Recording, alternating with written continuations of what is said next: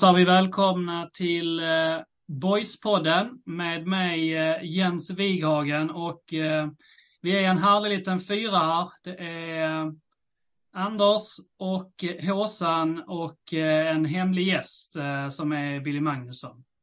Och ni vet att ibland så ibland så hamnar man liksom i ett i, i en i en situation där man inte riktigt bottnar. Och här sitter jag tillsammans med nattkunges, nattlivets kung i Malmö, Håsan. Jag sitter med Anders som bor på en av de mest celebra adresserna i Malmö stad och så sitter jag här med en nykontrakterad sportchef för en av de trendigaste och hippaste fotbollsklubbarna i eh, Sverige. Och jag är en utbränd tvåbarnspappa. Så att det ska bli kul här, eh, Anders och Håsan, att eh, fly lite grann och få prata lite, lite fotboll med, med Billy, eller hur? Jag tyckte det var väl eh, sammanfattat. Hela biten, jag skriver under på allt. Det är väl bara den här fashionabla adressen vi får kanske eh, se över lite i framtiden. Men visst, det, det går ingen nöd på mig, men det finns andra som har det lite, lite bättre runt omkring mig. Du, du godkände det här introt innan, så du kom inte med några undanflykter. Men eh, Billy, du ska, du är framförallt varmt välkommen. Mycket, mycket mer välkommen än de andra. Och eh, Stort tack. det passar väl på sig att kanske säga grattis, om man, eh, om man uttrycker sig så, till, eh, till det nya kontraktet. Eller förlängningen och hur man ska uttrycka det. Ja, nej men stort tack. Stort tack. Du får uttrycka hur du vill, men eh, det är trevligt att det är klart känslan var ju lite grann att det liksom var upp till dig att eh, bestämma dig för om du ville köra på den här rollen. Har man förstått eh, situationen rätt om det är det som var tolkningen?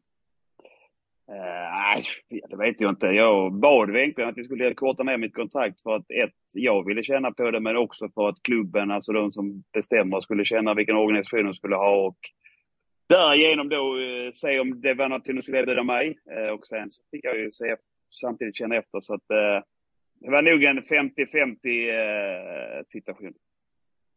Men har du hunnit känna efter nu? Det har ändå gått ganska kort tid från sommaren och eh, fram tills nu. Eh, alltså förstår du vad jag menar? Har du hunnit känna wow, det här är något för mig? Eller det visste du kanske redan från början? Det är helt nytt. Jag har ju suttit med lite dubbla roller här i, fram till när Erik kom in. Jag har ju varit huvudtränare och sen sportchef eller sportsligt ansvarig kan man säga. Så att det var inte så att det var, man var helt ny på jobbet.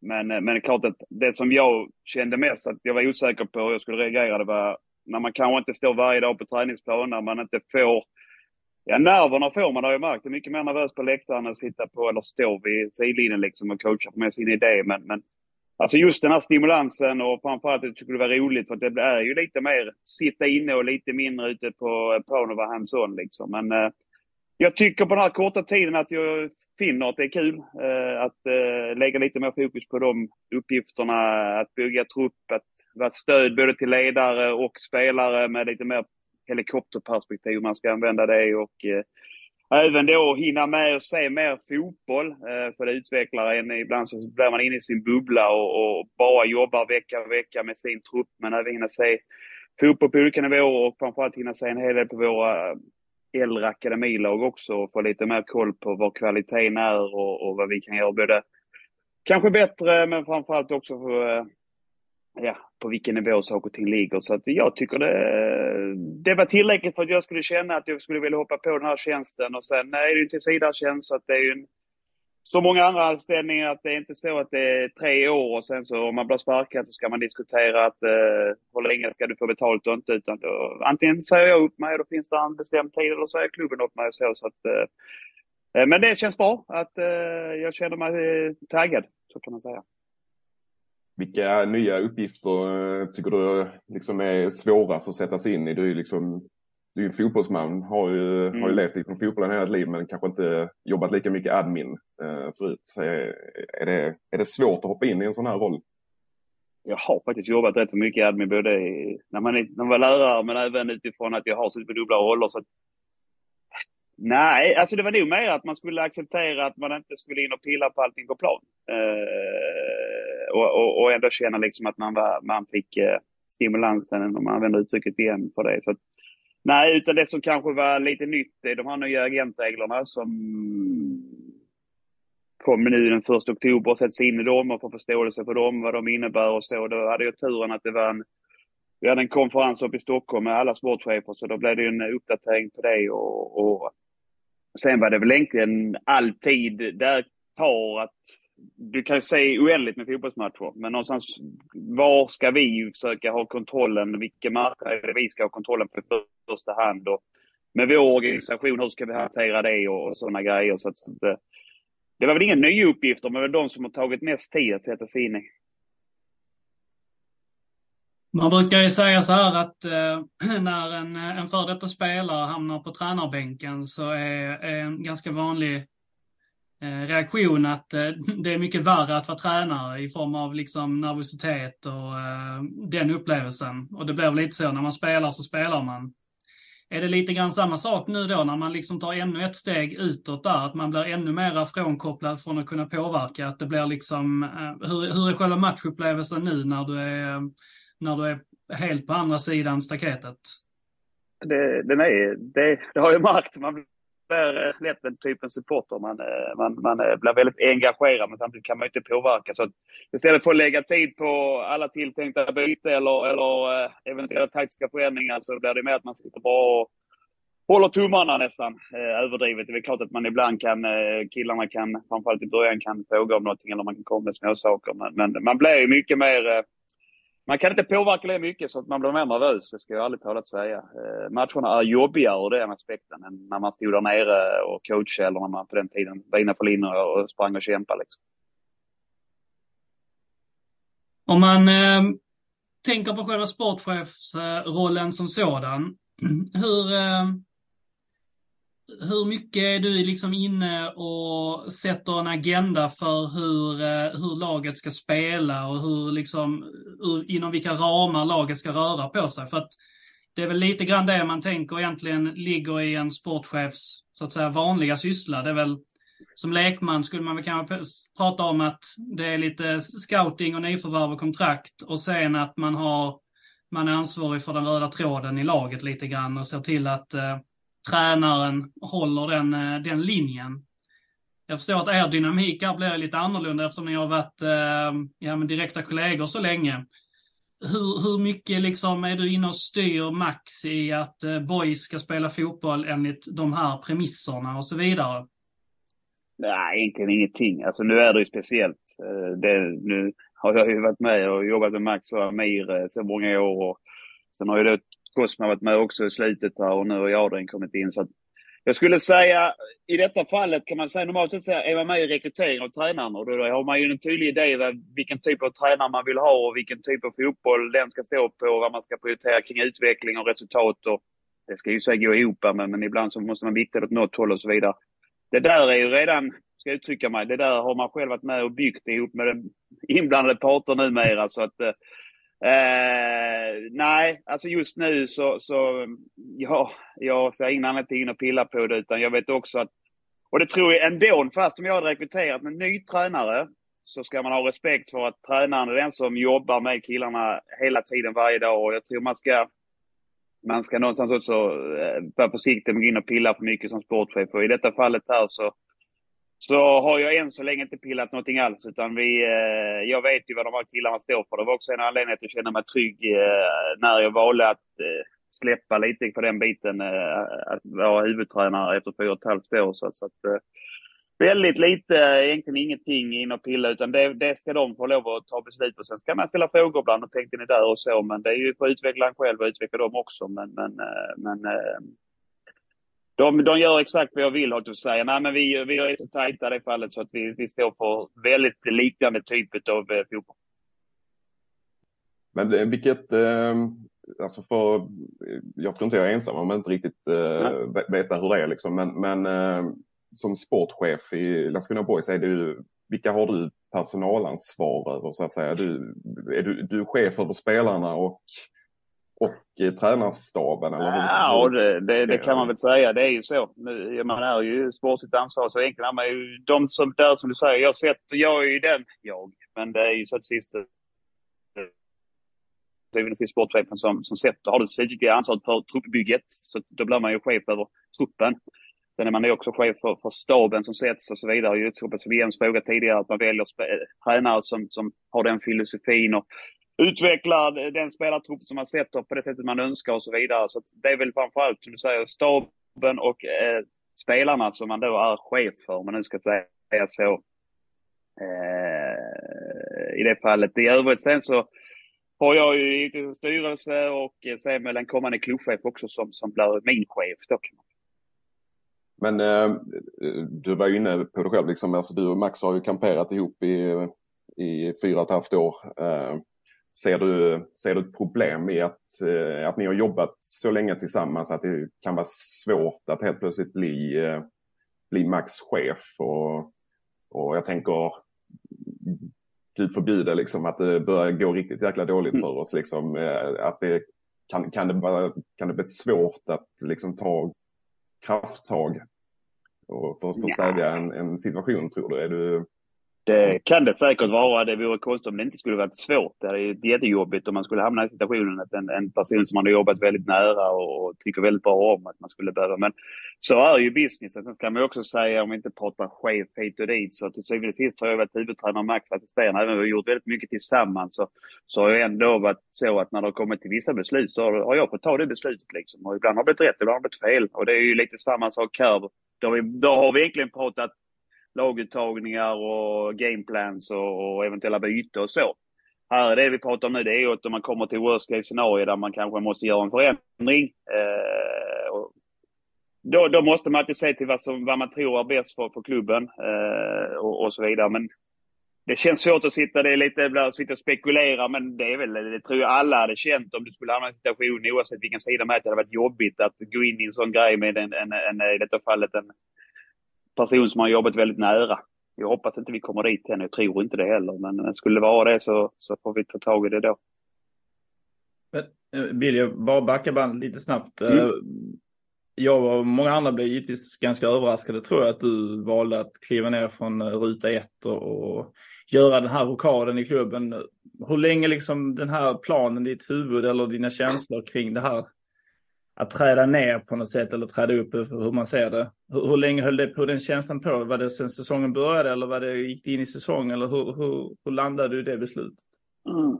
Alltså det var ingen plan. Det var inte så att jag hade en uh, mastermind i augusti någon gång, eller i juli var det väl. I juli ska jag, ska jag bli sportchef. Det var det absolut inte. Men Eh, egentligen kan man säga för mig kanske det började i, i eh, mina tankar. Jag kände att inte riktigt jag var helt nöjd med vissa saker, vilka riktningar vi tog och hur vi utvecklade vissa saker och så. Då, det tog jag internt och, och, och, och ville liksom någonstans Utåt sett så kör man på liksom. Och sen så skedde lite förändringar ju eh, i, i klubben där. Jag vet inte, Eriksson som lämnar och, och Michel klev in som sportligt ansvarig och så. Sen Sen kan man säga att det jag landade in i det var att jag, jag kände till sist att jag inte riktigt var helt bekväm med var, vi all, var allting kom. Och jag säger inte att jag hade rätt eller fel, men när jag, som jag sagt tidigare, när jag är splittrad människa så gör jag inte 100 procent och det kräver jag av spelarna. Så min, jag höll till på ungefär i, ja, om jag säger ett halvår så kan det vara plus minus en månad och vända och vrida och diskutera med folk och liksom bad om tips och hanterar man vissa saker och så. så det, är inte, det handlar inte om att det har funnits några jättekonflikter så jag ska inte måla upp det men men, men, men, men, men eh, jag var inte helt nöjd att vi tog vi, med vissa saker kan man säga. Sen kanske det också var så konstigt för jag hade suttit med dubbla roller ihop med Max med både sportchef och tränare i så länge så kom det in. Men jag tyckte att vi kunde få ut mer av organisationen och, och till sist landade jag in då att det kanske detta var det sättet att få ut mest. Det var att jag tog en roll och Max tog en roll och Amir tog en roll och så vidare. Att vi flyttar framåt så fick vi ta in Adrian också som kompletterar tränarstaben. Så att, eh, det var nog så vi landade in. Sen är det inte jag som tog beslutet även om jag kände som sportchef. Det var ju styrelsen. Så att, så att, eh, varför de valde det, det får ju de svara på. Men jag gissar att eh, de, eh, de tankarna, de, de hade du liksom in på, eh, ja, exempelvis tillsättningen av sportchefen.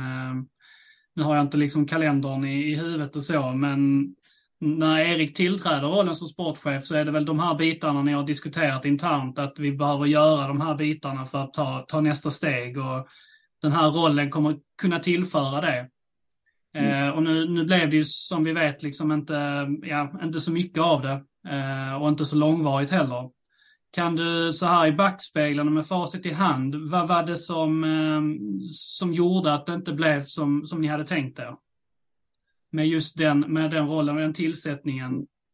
Nej, alltså det, jag, ett, ett, jag tyckte det var helt rätt väg att ta. Jag tyckte det var en bra rekrytering av Erik. Jag var helt på det om vi börjar där. Så att, sen att det kanske inte allting utvecklades i den farten eller på det sättet jag hade önskat. Eh, det är ju det är egentligen det där som gjorde att jag landade in i de bitarna. Men, men till syvende och sist så var det inte så att jag gjorde min förändring först heller. Så, att, så att det var ju så att innan jag valde att göra min förändring så hade väl egentligen både Erik och, och hoppat av och, och, och, Michel också flaggat för att han skulle lämna och så. Så, så att, eh, nej, alltså de där grejerna har vi diskuterat internt så mycket och det, det, det, det låter nog mycket mer drastiskt än vad det är och det finns liksom inte heller någon... Eh, I vissa saker tror jag man ska det blir så lätt feltolkat om man liksom börjar droppa saker och så blir det överförstorat. Utan det var, det var väl egentligen att så här, eh, och det är precis som att många gånger tycker ni säkert att eh, när man var tränare att man inte utvecklade spelet i tillräckligt snabb fart eller om man tyckte att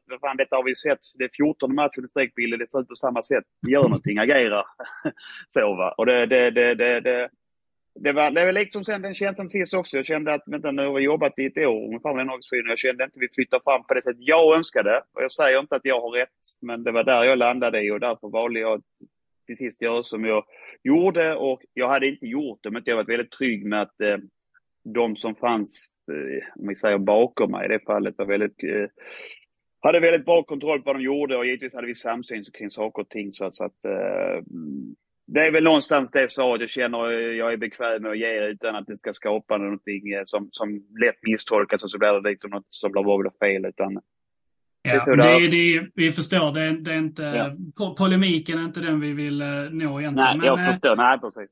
Men du, du pratar om eh, ja, men utvecklingen som du inte såg då, om man liksom backar bandet där, att du, du tyckte att ni liksom vi befann oss, eller ni befann er liksom i en, i en, i en sits som du, du kanske kände igen och du ville befinna dig i en annan sits. Kan du prata lite grann om liksom vilka utvecklingssteg vad du tyckte du saknade? Vad var det som inte hände när de här tankarna kom där, där du kände att vi borde vara här men vi är här?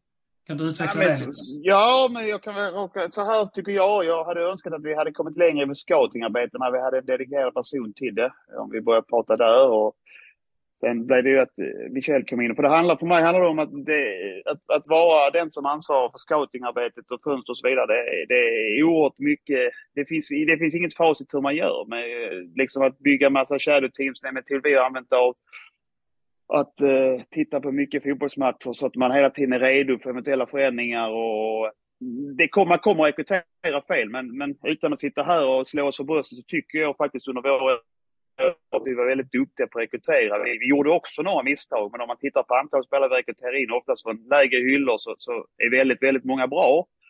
Och då kanske man känner att det kunde vi göra parallellt som, som vi har både assisterande huvudtränare och, och det var U19-tränare och U17-tränare och så vidare. Och ibland kanske man önskar lite mer eh, och hur vi utvecklar själva organisationen kring det. Eh, så det var en bit som jag hade önskat och trott på mer utifrån att vi ändå jobbade nästan ett år med det. Eh, det, det står jag för, det är inget konstigheter. Sen än en gång, det är min känsla. Eh, jag vet att det är några av mina medarbetare också.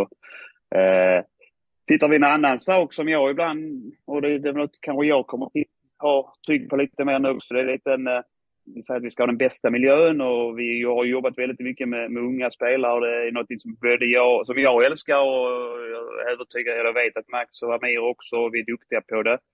Men ibland att skapa den bästa miljön, det är inte alltid att bara ha unga spelare. Eh, nu pratar jag inte att det behöver vara 30 allihopa, men ibland så jag brukar säga att när man tittar på en trupp som jag tänker, som jag har byggt, om man tittar på de trupperna som vi, det är inte jag, vi, när jag var sportligt ansvarig i de fönstren så var de oftast balanserade på cirka 50-50 och då brukar jag säga att det är 50 procent utvecklingsbara spelare. Då brukar jag säga att de är 22 år yngre. Eh, gärna 16-17 för då är det väldigt mycket försäljningspotential i dem. För det måste man ha också för pengar behövs in på kontot och så vidare.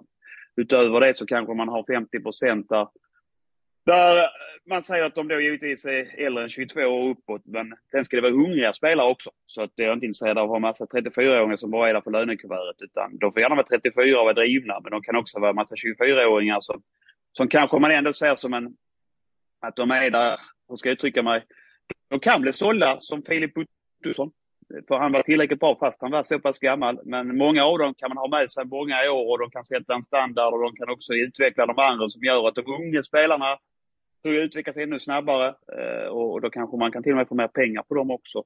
Samtidigt tror jag också man skapar en stabilitet som gör att, att du eh, blir bättre på att hantera eventuella försäljningar eh, på ett snabbare sätt. Det är alltid en utmaning att hantera när, när spelare säljs och så vidare. Och där, där tyckte jag, tittar man på vår trupp som, som, som vi skapade, så var det, en, om man tittar på åldern, så var det en 70-30 trupp, där 70 var utvecklings under 22 år och sen var det 30 procent. De var väldigt sårbara för skador på Filip Andersson och, och när Alexander Tekats kommer och säger att snälla Billy, jag vill åka till Thailand, jag har varit där 17 år, eh, stoppa inte mig. Nej men alltså, det är klart, det där kan man inte, det där kan man inte, det där kan man inte eh, parera, för du vet inte att Filip ska ha sin hälsena. Men om du inte står med bara fem typer av spelare spelarna så, det, så är du inte lika sårbar för det. Och jag tror också att ibland de unga spelarna mår bra av att ha fått, hur ska jag uttrycka mig, i, i, alla som alla har varit unga en gång i tiden och det är lite pinka in reviret. Så när tre man unga tävlar om samma position och du inte har någon som riktigt säger till dem att du, jag tycker inte du alltid gör bra. Så, så, så är det, så, så, så, utan jag kan säga till att jag, det där gör bättre. Kom inte och gnäll att inte får spela, gör saker och ting bättre. Så då tror jag du skapar en bättre miljö och det är det vi står för också. Så det är också en sak som jag tyckte att vi, jag vill jättegärna unga spelare och det, det tror jag ni alla sett våra trupper. Men jag tyckte att vi tappade. Jag fick inte riktigt svar utan jag upplevde bara att det var åldersfixering. Och förstår man rätt, måla inte upp någon grej nu, men, men som jag har byggt trupper och som jag tror på för, för mest resultat så tror jag att man ska, vi blir lite för balanserade åt ett håll eh, och då tappar vi vissa saker. Eh, det var en grej som jag var besviken på.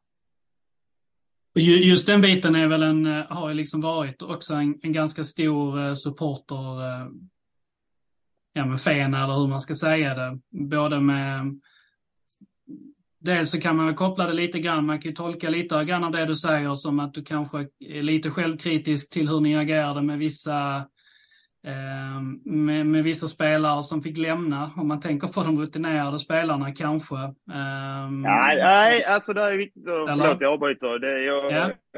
tycker, nej det gör jag inte, jag tolkar mig inte så. Utan det är absolut fina människor som har lämnat oavsett ålder, så det där, det, men det är inte det, utan det nu handlar nog mer om att, eh, för att vi hade ju balans som var typ 50-50 fram till för i vintras, liksom, oavsett mm. vem som lämnade. Det handlar nog mer om att om vi lämnar, då, hur tänker vi hur vi tar in och varför tar vi just det? Är det utifrån bara ålder eller utifrån en spelartyp och så vidare?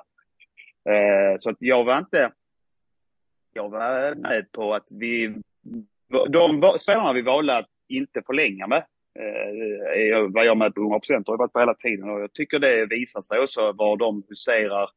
Sen säger jag kanske ibland skulle man kanske valt att behålla någon för just karaktären och, och vad den kunde bidra med. Men det var kanske en förhoppning också när man valde att säga att nej men ändra att vi skulle hitta någon sån parallellt med unga spelare så vi inte bara rekryterar unga spelare in när vi släppte en del kanske mer eh, etablerade, om man använder det uttrycket. Ja, men jag, men jag, jag, jag, var, jag, var med på uh, valen vi ja, gjorde. Det, ja, precis. Och, men, och det jag egentligen menar, jag, jag kan egentligen känna också liksom att de, de besluten var väl i ett, i ett vakuum ganska rimliga. Det, det, vi, det jag kommer ihåg att vi diskuterade lite grann i, eh, i somras eh, när det kanske brann som mest med det här med lite grann med att det, det kändes som att truppen var lite identitetslös och det var väldigt mycket unga, det var väldigt mycket nytt och det kändes lite grann som att eh, det liksom inte var nödvändigtvis kanske så att alla kände liksom en, eh, en känsla av eh, ja, men lagsammanhållning. Alltså, nu förstår jag att du kanske inte, du, du bara inte hålla med om detta, men liksom detta var väl lite grann om jag sammanfattar hur en supporter kände. Eh, att det var ett väldigt ungt lag, det var väldigt många som man kände hade ett fokus på att man skulle använda boys som en språngbräda och ta sig vidare och det var ju liksom ja, det fanns ju spelare som uttryckte sig så liksom väldigt tidigt eller liksom i vilken fas man nu var i klubben att det är så. Det, det är fine liksom, det, det är vad det är. Men att, och det är precis som du säger, den här eh, konstellationen med hur, hur truppen är byggd, att eh, det jag kommer ihåg att jag pratade om då, att jag saknade var liksom de här spelarna som kanske vet om att, inte nödvändigtvis att man har nått det, men att man är, man är ganska, man är kanske nära sitt tak med att spela i superettan. Man klarar sig i allsvenskan, men man hade inte liksom, man hade inte kommit, kommit någon mycket längre vart, utan de spelarna som brinner för att vara en, en duktig spelare i boys år efter år och liksom som, som tävlar för att få det där kontraktet, att hela tiden vara en superettan-spelare för Landskrona Boys, men som också vet att jag startar 17 matcher. Och jag är kanske inte ordinarie hela säsongen, men jag kommer liksom tävla varje träning och jag kommer detta är mitt leverbröd och jag har liksom ett, ett barn hemma och så. Hela den biten kommer jag ihåg att vi pratade om att man, man kanske saknar det när man ser liksom 20-åringar som, som tänker på en flytt till Utrecht om ett och ett halvt år istället liksom. Um, och det, men det är väl, um, jag gillar det jag hör i så fall i form av att det är en, en aktiv tanke med hur man bygger trupperna och, och att det kanske gick i en riktning som inte var helt och hållet um, liksom den optimala, eller hur man ska uttrycka sig, av, av, av förutsättningar som inte man kan mm. påverka eller alltid. Nej, men jag, vi, vi pratar, det känns som vi pratar om ganska liknande saker. Eh, du säger också liksom att om du bara spelar som är i boys av en anledning så, så kan det lätt bli att det, pendeln svänger över för mycket åt det och så tappar man det som är lite kärnan till som man har byggt upp också. Och det behöver inte alltid vara gammal, du kan ju vara ganska ung men ha en egenskap och så vidare några år innanför västen i en klubb. Men, men, men vi, vi, det känns som att vi har rätt samsyn kring vissa saker och där tyckte jag då att pendeln svängde ur. Att vi blir yngre och att vi ska bygga vidare på det, det, det är jag helt med på. Men, men jag tror ibland att det är lätt att man tycker det är så oerhört fräckt det här med bara unga spelare. För det är klart om jag har 20 unga spelare, någon lyckas ju utveckla, säljer. Men jag kanske 17 andra som inte utvecklas lika bra. Men hade jag kanske haft 15 unga spelare eller 12 och så hade jag liksom 12 andra spelare som kunde utveckla dem. Alltså, jag tror att det blir bättre och då blir både de här unga som får chansen att vara, det blir mer kvalitet och mindre kvantitet om jag använder det uttrycket. Eh, och jag tror balansen, eh, därför säger jag 50-50 tycker jag är sund. Sen säger jag inte att vi hamnar där exakt nu, för det är klart att det har ju legat extremt. Jag tyckte Pellen blev lite för mycket och det, det, det, det står mm. jag för. Eh, men min grundtanke är fortfarande att vi ska vara ett lag med väldigt unga spelare som har en miljö som är väldigt attraktiv för framförallt unga spelare och då tror jag att de behöver den miljön också. Eh, jag tror, om vi bara tar ett exempel så, så är jag helt övertygad, jag, jag vet om det om de bara frågar dem att det, Melker Heijer hade rätt bra eh, nytta av att först ha Summa Ameled och sen Filip Ottosson nära sig. Eh, vi två de killarna för 96. Jag, tror, jag vet att om ni frågar Melker Heijer så tror jag att han kommer att vara glad att han hade dem med sig. Att han inte hade en kille som var för 03 bredvid sig kanske, när han utvecklades. Eh, så så det är lite mm. typexempel. Det finns fler, men jag tror de kan vi själv eh, räkna ut. Och det är väl lite, jag, jag tror eh, Håsan Anders håller med mig att eh, om man kollar på till exempel nu haltar den jämförelsen egentligen, men om man kollar på när vi plockade in eh, eh Samuel Coteau nu. Nu är han ju ung, men han spelar som en mm. spelare som har väldigt mycket rutin och erfarenhet med tanke på hur han liksom spelar och så. Han har ju kommit in på ett sätt som har gjort att han inte bara är en skicklig spelare själv, utan det ser också mycket bättre ut runt omkring honom. Inom mittfältarna ser liksom bättre ut för de, får mera, de blir mer involverade. Och även Rapp och Melker, eller vem som spelat på andra sidan, har ju liksom också tagit ganska många kliv för att det känns som att det har kommit in en spelare som kanske nu med facit i hand var lite, lite för bra för, för superettan mm. nästan. Jag har blivit väldigt, väldigt imponerad av honom. Eh, men där ser man liksom vidden av det, att en spelare betyder liksom inte bara att du påverkar en position, utan du kan påverka så många det egentligen bara går. Liksom. Eh, och det är ju den, egentligen där det har liksom varit den viktigaste förändringen i, i, mina, i mitt tycke. Um, liksom i det som har varit stegringen av spelet. Att, att KTH har kommit in och liksom kunnat tillföra någonting som varit svårt att tillföra tidigare. I min, jag vet inte vad Anders och Håsan tänker om den analysen. Eh, jo, men eh, han avlastar. Alltså man ser lite att trycket på axlarna kanske minskar från andra. Trots att han är ung som du säger så har han ju en spel, eh, vad ska jag säga, spelkänsla och ett spelsätt som gör att han agerar med väldigt pondus som gör kanske de andra kan Shit, det är någon annan som tar lite ansvar nu så det är inte bara Bruzelius som har allt på sina axlar. Så jag menar alltså eh, du har nog rätt i det. Det har faktiskt gjort att det har spridit sig lite mer lugn i laget och det har ju också rent resultatmässigt visat sig. och det är bra att du lyfter den där också Jens, för det är någonstans, det är ju inte alltid kopplat till ålder. Det är säger också, för blir det lätt att Obilly ska ha ett gammalt lag. Nej, kanske 50-50. Men han kom ju, han, alltså Kotto kommer ju från en, alltså det är ju från ett av Sveriges bästa lag får vi säga. Och han är ändå med i deras trupp. Och det är, det är en färdig spelare och som du säger själv, han är nästan för bra för Superettan. Så han går ju in från dag ett och lyfter oss. Det är inte en spelare från lägre division. Är han dessutom ung som kanske inte har så många matcher i den lägre divisionen, ja men då, då behöver du ju någon som hjälper dig på, på, på vägen och du behöver också lite tid. Och det, därför har ju detta varit så avgörande få in honom som, som var liksom hög, hög superettanivå. Nog faktiskt allsvensk nivå, det tror vi är överens om allihopa. Det, om vi stannar lite grann där då, om vi pratar lite sportcheferi då. Um, till exempel sån enkel fråga som, visste ni hur bra Couture var när ni kom, tog in honom där då? Eller var det liksom, vad visste ni, vad kände ni när ni tog in honom eh, då? Nej, men det var ju så här att, eh, och där ska jag Erik ha beröm också. Det var ju, han stod ju en del på Olympics matcher i, i med att de hade ett väldigt intressant lag, framförallt förra året. Där vi lyckades eh, få Melker Widell på, på kroken till sist. Va? Där var Hugo Berlin också som, som Malmö höll kvar till som lämnade till Degerfors och lånade ut honom. Så att, och då såg vi ju också Samuel och, och han var ju tidigt på att berätta hur bra han var och sen så såg vi också lite matcher i och med att vi skulle titta på, på Melker bland annat och så vidare. Så vi framförallt på dator eftersom vi hade fullt upp med våra egna matcher och, och så. så sen utöver det så mötte vi dem i en U21-match, fick se där eh, under våren. Eh, sen har vi bra relation med Malmö. Både sportchef Daniel, jag har ju gått tränarutbildning och god vän med deras chefscout Robin Östered. Så det var många diskussioner där, eh, där man fick väldigt liknande eh, feedback, både utifrån Erik, vad vi, han hade sett, vad vi hade sett när vi mötte honom. Eh, vi hade ju David hos oss som hade varit med honom, Melker Widell hade spelat med honom och så vidare.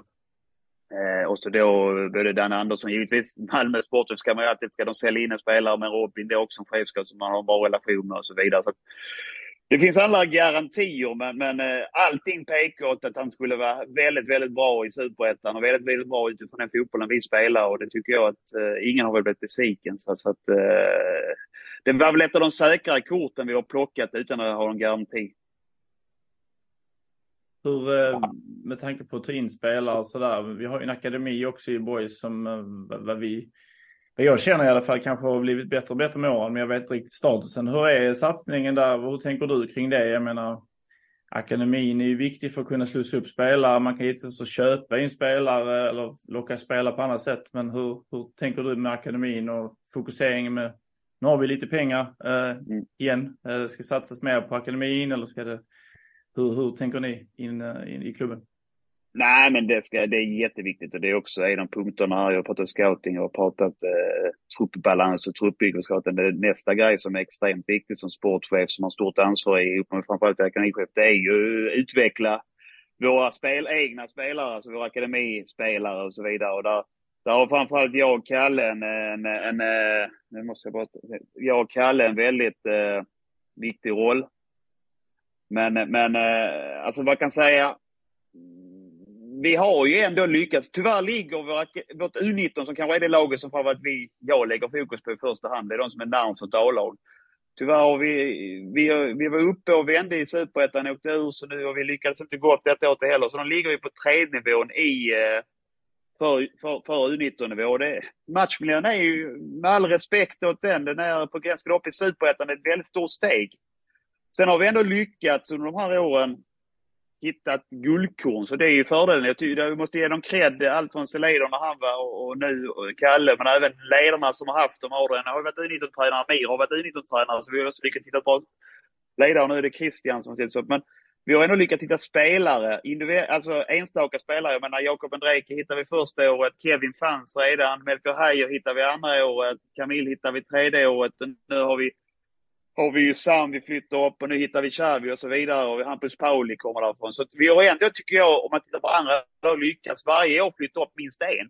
Men, men eh, jag tror för att bli ännu, ännu bättre så måste vi, eh, måste vi höja nivån på, eh, på allt. Och vi måste framförallt upp en nivå i, i serietillhörigheten mot U19-lag. Så det är något som jag och Kalle och ihop med ledarna lägger mycket tid och jag försöker se väldigt mycket utnyttjande matcher både för att skapa mig en bild eh, så jag kan ta med hur bra de här killarna är när jag istället, om jag ska rekrytera in en ung spelare från annanstans eller har jag verkligen en som är liknande bra så måste jag ta vår egen spelare liksom så vidare. Så att, vi har otaliga varje vecka, varje dag nästan sitter vi och diskuterar det och försöker se väldigt mycket. Men eh, det är en väldigt viktig poäng och det tycker jag Boys har varit bra på. När vi är, Boys är bra då har vi oftast många spelare från, från vår egna akademi. Och ska man vara så krass och titta på de spelarna vi har sålt, nästan alla, eller inte alla, men jag tror sju eller åtta av de elva spelarna som har sålt eller lämnat i högre nivå har alltså en historia i vår akademi.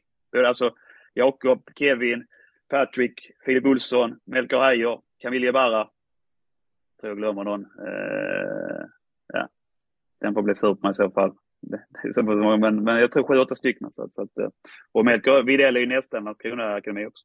Men hur ska man göra? För att, jag menar, det är ju att serietillhörighet, det är svårt att påverka så att säga. Givetvis eh, vill man vinna matcher och sådär, men det är inte nödvändigtvis så att man går upp i superettan där med U19 och sådär. Men är det andra saker man kan jobba med för att ändå en ungdomar och andra ska liksom välja boys så att säga som en vad kan man göra runt omkring? Kan, mm. man ge, alltså, kan man satsa på något annat som inte bara är krasst att här kan du spela i superettan men även jag ska säga, faciliteter eller andra lockelser ja. till dagens unga?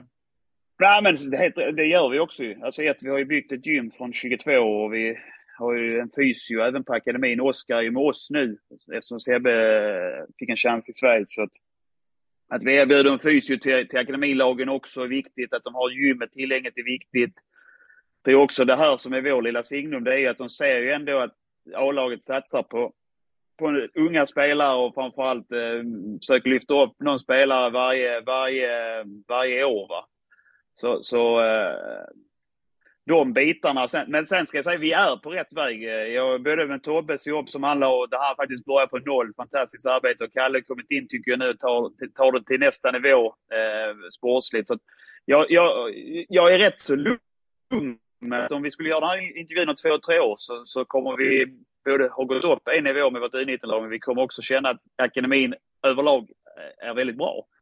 Eh, och det, men det är de här grejerna, att skapa förutsättningar för dem, för dem med bra ledare, bra faciliteter, men också att någonstans eh, vi, vi liksom ger dem chansen att, eh, att, att vara med i U21 och göra bra U19-match och så vidare. Så, så att, eh, massa saker. Men jag tror det A och O det är ju att om vi börjar med mig som sportchef, jag måste ju se dem spela. Jag kan inte liksom bara gå och lyssna på vad andra säger. Jag måste se dem. Jag måste lära känna de här grabbarna liksom på, på, på plan i alla fall och så vidare. Och då gör jag det både genom att vara där men också att prata mycket med Kalle och med Christian som är 19-tränare. Och sen det, har vi Amir som övergångstränare. Så att de där bitarna är jätteviktiga. Hur, hur mycket ligger i, i, om man då pratar kanske framförallt U17 och U19 som är väl egentligen de enda liksom intressanta trupperna ur ett supporterperspektiv i alla fall. Det, det, känns som, eh, du har varit i klubben länge, men känslan är ju liksom om man går bak i tiden så byggdes ju de trupperna även liksom för när det fanns ett U-lag och så. Det, det, var ju generellt en trupp som var väldigt lokal, men ändå höll, och nu tänker jag egentligen liksom lite för långt bak i tiden, 10 år kanske, 15 år. Ehm, att det var ju oftast en trupp som ändå var ganska lokal, men ändå att man spelade på nivåer som var nationellt höga. Ehm, nu vet jag inte riktigt hur det ser ut, men det, det är kanske lite, lite annorlunda vi vet ju liksom att världen förändras och det blir liksom mer lättillgängligt överallt. Hur, hur, pass, liksom hur pass aggressiv bör man vara som klubb för att locka till sig spelare i den fasen av sin karriär på U17 och U19? Sitter man bara lugnt och liksom inväntar sitt närområde och ser vad som händer? För jag, hur, hur tänker man som klubb där? Hur agerar U17 och U19? Eh, alltså överallt egentligen. Mm. Hur, hur tänker man ja. i de frågorna? Nej men absolut, och det vet du Kalle sitter och jobbar mycket med hur man även på, på akademin ska bygga ut en scoutingverksamhet. Och det, just nu ligger det mycket på honom och det ligger mycket på att ledarna möter andra spelare som de tycker att den där verkar intressant och så kanske man tittar, okej, okay, finns det möjlighet att, att plocka hit den? Sen gäller det också att vi har ett bra samarbete med skolan eh, för att kanske erbjuda hel, helhetstänket, det här med att vi har ett nio gymnasium och, och, och att eh, liksom, man kan få extra träning på det sättet eh, också. Så, så Alltså, där är också grejer att göra på, kring scouting, kring om vi pratar den. Sen tror jag att, eh, precis som faktiskt kring A-laget, att ju lokalare vi kan vara, ju lättare är det. För då får du slipper hålla på med massa boende och det blir inte för mycket tid i eh, att i bilen eller bussen och pendla liksom och så vidare. Men eh, om, det kom, om vi börjar prata att vi ska rekrytera spelare långt ifrån så, så, så, krävs det ju att vi har hela, hela paketet på plats. Liksom. Och det, det, det är jag osäker om vi är idag eh, faktiskt. Problemet har väl varit den senaste tiden att eh, vi har inte kunnat rekrytera lokalt. För att de, de talangerna har lockats eh, ja, norrut och söderut. Mm. är väl liksom det, tror... det, tråkiga svaret. Ja, men jag, jag, jag är med vad du säger. Jag tror dock, och egentligen skulle Kalle svarat på det, men min känsla är idag, och det är kanske kopplat till att vi faktiskt eh, bara har ett Skånelag över oss på seniornivån i dagsläget. Jag hoppas det stannar sig också. Det är ju vi och Trelleborg som slåss om andra platsen just nu.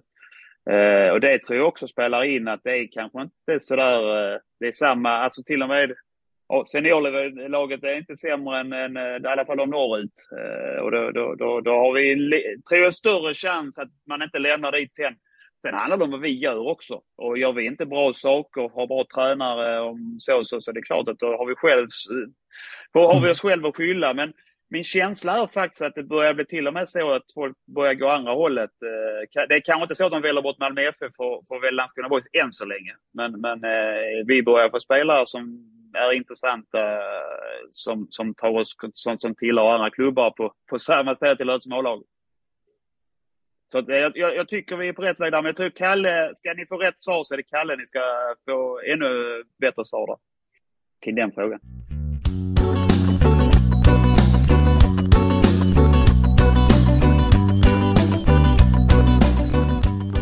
Om, eh, om vi går tillbaka till lite sportcheferi så eh, om man backar bandet, du, du har ju varit inne på det innan, att du har egentligen redan suttit på den här stolen eh, tidigare och eh, ja, i mångt och mycket gjort ett eh, väldigt bra arbete där också. Det kan man ju väl bara se på eh, liksom, tabellgraferna eller vad man ska säga. Ehm, men om man liksom går tillbaka till själva starten av, av projektet, om man tänker på det sportcheferiet du gjorde där och då, och du och Max då. Mm. Jag tänker, i mångt och mycket där så plockar ni ju spelare som ni visste var, det, det kanske inte var så mycket scouting i sig, utan det var mer ett kontaktnät och en känsla och en kunskap har jag rätt i den liksom, tanken där? Men det, ni visste vilka spelare ni, ni ville ha då? Det var inte så mycket sitta på Y-scout i, i den fasen? Nej, det hade vi inte pengar Bilstrand till att ha. Vi hade, inte på... vi hade inte pengar till att ha Y-scout kan jag säga på den tiden. eh, och eh, vi hade inte heller möjlighet att plocka någon spelare som inte kunde ta sig med så länge som mil härifrån. Så det blev väldigt lite marknad att, att scouta. Sen var det ju som så att som ni ser också när ni ser fönstret, det var, ju, det var ju spelare som någon av oss nästan hade en relation till. Antingen hade vi tränat innan eh, eller liksom hade varit i klubben innan. Alltså tittar man, vi kan bara gå igenom första fönstret, kommer säkert glömma någon igen, men jag menar Wihlstrand och Sumar, det var ju, det var ju killar som eh, hade varit i hittat med, med, med Max och han hade järnkoll på dem. Och, Patrick hade vi bägge haft kontakt med. Filip Olsson hade jag haft kontakt med. Linus Olsson kände vi bägge två. Eh, ja. Hoffa? Hoffa hade vi, ja, ja. Han hade jag haft U19 och, och, och sen visste vi vilken karaktär det var liksom. Så det var ju också enkelt. Det var ju liksom... Det var ju väl, så när, när egentligen först jag Måns. blev klar. Måns. Ja, Måns var ju i klubben ju. Han var där redan. Rekryterar vi inte in, men jag hade ju haft honom sedan tidigare när jag var ass i, i, i Teagim och, och så ju. Så att uh, han hade vi också full koll Både han och Igor var ju kvar. Men, men, men, absolut, det där var ju, det där gick ju egentligen på ett, vi hade inga val utan det var bara till att uh, att uh, titta vad finns i vår närhet som vi tycker är intressant. Vi skulle dessutom rekrytera till tredje ligan, till, till superettan, så då, då kanske också Wisecout är mindre intressant och det är ännu lättare att göra kanske. Men sen hade vi ju tur i det fallet att Boys var ju väldigt misskött. Så att det fanns ju faktiskt en del eh, riktiga fina gubbar ute på fältet. Det Patrick och Filip Olsson och så vidare som inte borde vara på den nivån men som man hade slarvat bort i Boys. Så det var ju bara att försöka på, locka tillbaka dem och hoppades att eh, bitterheten var liten, vilket den var. Utan de kom ju mer än gärna hela gänget. Alltså. Så att, eh, och sen byggdes det på där också, det ska man också veta. att Det blev ju ett ganska tajt gäng, alltså, tajt gäng snabbt. För att på något sätt så först kom liksom, alltså var ju Fille till Katz och Kadu kvar och sen så kom Littan. Och, ja, sen blev det liksom att de började plocka varandra. Hoffa började känna nu vill jag också komma igen. För jag spelar ju med, med Kadu liksom i det laget där, 94-gänget i Boys och så vidare. Så, så att det där var rätt tacksamt. Sen är det inte alltid det ska bli så bra som det blev. Det blev ju väldigt bra. Det, det enda, den, den enda avancerade scoutingen vi gjorde var Jonathan Asp. Och den var inte så avancerad heller. Det var egentligen att vi är de lite kontakt med lite scouter som jag hade ju haft med att göra när jag var i Halmstad. Så, så eh, när Katz fick då beskedet att han trodde skulle missa hela säsongen på sin rygg så, så fick jag ta några samtal och säga att jag behöver en vänsterback och jag kan ge så mycket pengar, inte en krona mer, för att eh, då kommer klubben gå i konkurs. Och sen så, som tur var ville han flytta hem från Norge, så då fick vi han. Eh, så det var det mest avancerade scouting. Annars var det som du sa, det var kontaktnät eh, och gamla spelare som vi, som vi kände till väl. Liksom. Ja, för vi, vi har varit inne på det innan och det, det, det, är väl nästan den det är väl nästan den mest imponerande fasen, eller egentligen liksom att ni lyckades få ihop ett så pass bra lag med de här um, bunch of misfits som man säger i amerikansk uh, media. Men, eh, och det blev liksom vad det blev. Men eh, Ja men om vi lite grann, man liksom, ni är i den världen där, där ni lite grann så här, get the band back together, och sen så nu är det liksom några år senare, de flesta har lämnat sådär. Hur stor är skillnaden i själva scoutingarbetet och liksom hur, hur, hur jobbar man kring de här bitarna nu här då? Nu har ni ju liksom, ert kontaktnät har ni lite grann, ni har liksom använt de, de bitarna ni kan göra. Samtidigt så kämpar ni i en ännu större värld och liksom eh, det finns digitala verktyg som eh, som kan se både liksom underkläder och överkläder och allt möjligt så. Hur, hur navigerar man i den världen när man har liksom kommer lite grann ifrån den andra världen från, från start? Mm. Jag tror det är lätt att man får inte bli fartblind, för jag tycker det är också bra det du säger. För till syvende och sist så har jag varit inne på det, spelarna som vi har sålt till nästan alla från vår akademi, så gäller det verkligen börjar ha koll på vår akademi, vilken typ av kvalitet där finns. Sen får vi ha koll på närområdet och det jag har lagt mest tid på nu, och det är klart, då är jag inte varit och tittat på division 4 med all respekt åt det, utan jag har ju sett framförallt ettan, söderlagen för att verkligen veta att vi har koll på vad som finns där. Och så har jag sett eh, division 2, eh, den här supertvåan, har sett ganska mycket på också för att veta om det är någonting där. För att vi måste börja där fortfarande. Vi måste börja där. Sen har vi ju fördelen att vi har blivit tillräckligt attraktiva. Vi spelar på en nivå där även spelare från Göteborg och Stockholm tycker det är spännande att komma till Landskrona Boys. Inte för pengarna, för det får de inte, men för andra saker. Så det vore dumt att stänga ute det också. Men det man måste göra någonstans, det är, ett, det är att bestämma sig ungefär hur jobbar vi? Och där har vi Amir som är extremt duktig när vi får in spelare, tar fram alla siffror och så vidare. Sen är det ju att utifrån vad har vi behovet? För vi kan inte sitta och hålla koll på alla tips vi får in. utan okej, okay, det är mittback. Okej, okay, vad finns det för mittbackar? Ettan, tvåan i akademin? Nej, vi måste leta vidare. Okej, okay, bra. Superettan och så vidare. Så det är någonstans där vi är. Och då, är, då har du det digitala hjälpmedel med Wildscout. Eh, och, och att utöver det så är det ju kontaktnät och sen är det ju att vi, jag framförallt och George som hjälper mig också Vår scout, åker runt och tittar en hel del på livefotboll. Och sen ska vi få, få det hem rent ekonomiskt också. Liksom. Så att, jag vet inte om det sa på din fråga, men det är ungefär så vi jobbar. Fortfarande måste vi alltid börja i vår närhet. Det är där jag säger, vi måste ha järnkoll på akademi, veta, så att vad har vi där? Sen måste vi ha koll på i alla fall ettan. Ettan tycker jag, alla lagen där, vad finns där? För det är också så att Malmö FF, de tittar inte i ettan med all respekt åt dem. De, de, de är på en ännu högre nivå än oss. Utan kan, där ska vi vara före Trelleborg och, och HIF och, och ta om det finns några guldkorn där i ettan. Sen har, har liksom, räcker inte det, nej, men då får vi börja titta på, på, på, på superettan scoutar man ju automatiskt genom att möta alla lagen och, och scouta inför och så vidare. Så då har vi redan där, tycker jag, ett ganska bra nät. Utöver det så är det klart att nu, som jag sa, nu fick vi in Adrian. Adrian hade lite kontakt med Spanien. Ja, då, då var det värt, tyckte jag, att testa. Okej, okay, vi hade en spelare, nej, vi testade in. Sen kanske inte han har satt en större avtryck, men det var värt också att testa lite den biten och ha med sig de, de sakerna. Men för att det inte blir för långrandig, jag tror fortfarande, börja alltid med det, det, din närhet. Säkerställ att du har koll på den. Eh, försök göra så få misstag som möjligt så du missar eh, så lite som möjligt. Då. Du nämnde lite, eller, eller jag bara, du nämnde lite ekonomi där liksom att vi, vi än så länge ändå betalar väldigt lite till våra spelare liksom. Eh, mm. Men nu, nu till skillnad från hur det var när du, när du, när du kom till klubben liksom så har man ju liksom pratar du ju om att liksom bredda demografin i laget. Liksom. Det ska vara lite äldre spelare eh, och lite mer äldre etablerade spelare kanske vill ha lite, lite mer betalt. Samtidigt som vi då. Då är, då, då, är de, då är de inget för oss. Det är inte nej. den typen av spelare vi vill ha. Nej, men det är bara en fråga. För det är, det är absolut inte dit vi vill gå. Att ha, ha spelare som menar, och etablerade spelare, det, det, du, kan, du kan vara 24, du kan ju vara en Kotto som är 20 som går in, utan, utan eh, det är absolut inte spelare som, som vill, utan vi har den budgeten vi har och, och du vill komma hit för att du kanske vill utvecklas, fast du är 27, att du vill utvecklas eh, i Landskrona Boys miljö eller känna shit, de här kan ju gå till allsvenskan om jag gör något väldigt, väldigt bra. Så, att, så att det är det som ska locka dem istället.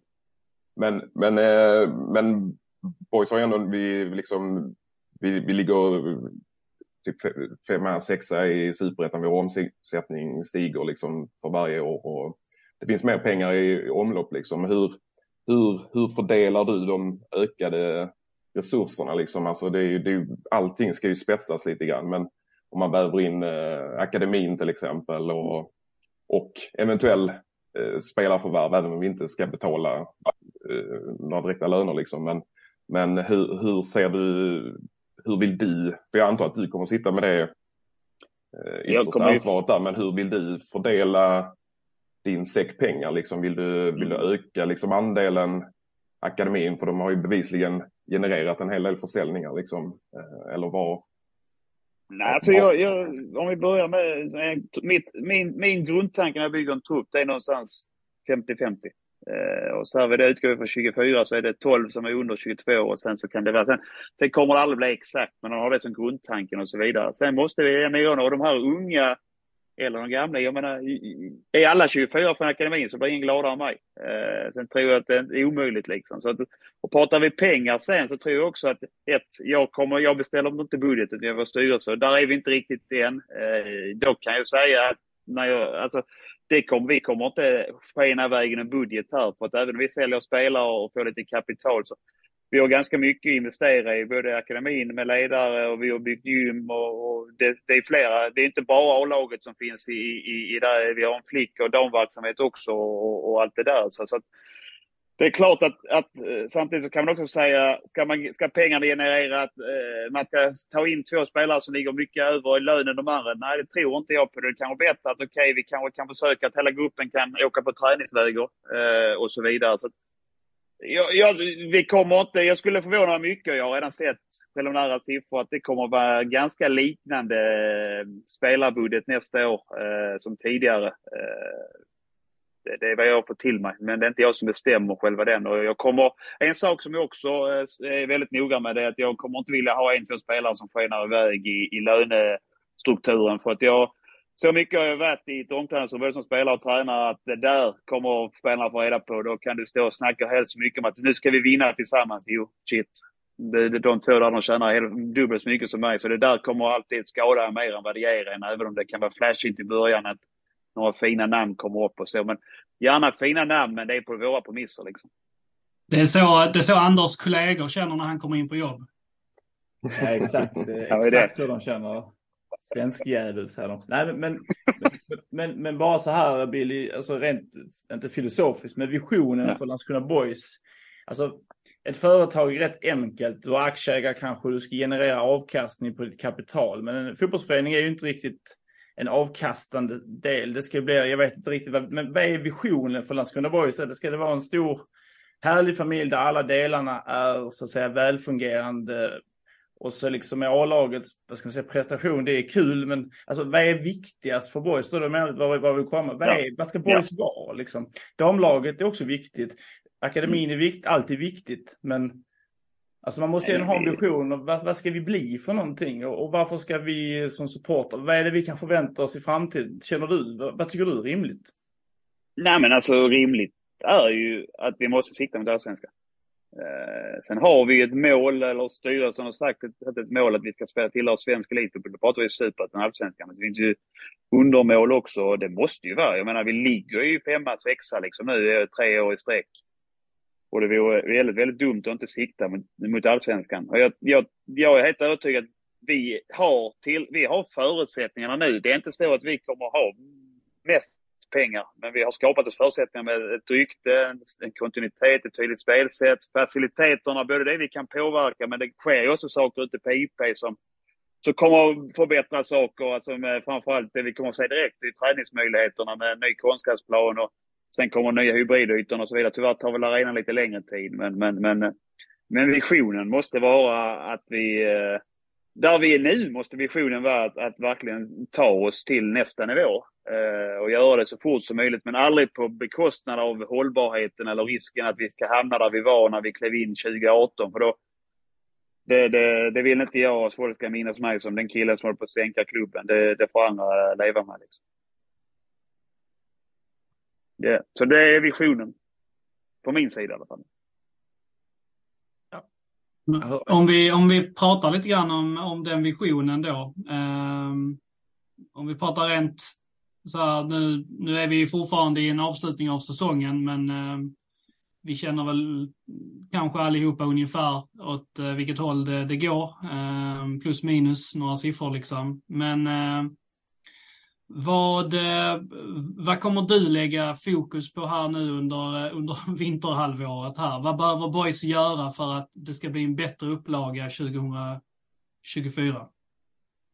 Först gäller det ju att parera eventuella spelartapp. Vi har ju två lån som vi inte äger frågan på. Vi har en Johan Rapp som har utgående kontrakt där vi vet att han är tydlig med att han vill avvakta Eh, sen har vi en Fille som vi gärna säger att vi ska få, få på plats. Eh, jag tror det. Där har jag en ganska hög känsla att vi ska lyckas med. Eh, vi har något utgående tack till, men det kanske inga spelare som har satt så stort avtryck eh, och så vidare. Så, så, att, så, att, eh, så då har vi den biten, det är nummer ett. Eh, sen kommer nummer två, det är ju, eh, kommer det in några bud på våra spelare?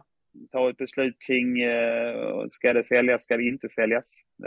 Och Utöver det så handlar det om att ersätta eventuella tapp hos spelare som är lån eller, eller, eller, eller utgående kontrakt. Och sen handlar det ju om att vara redo om du ska sälja. Vad har vi, tar vi in istället? Så jag tror egentligen att inga, helst ska det ske väldigt lite.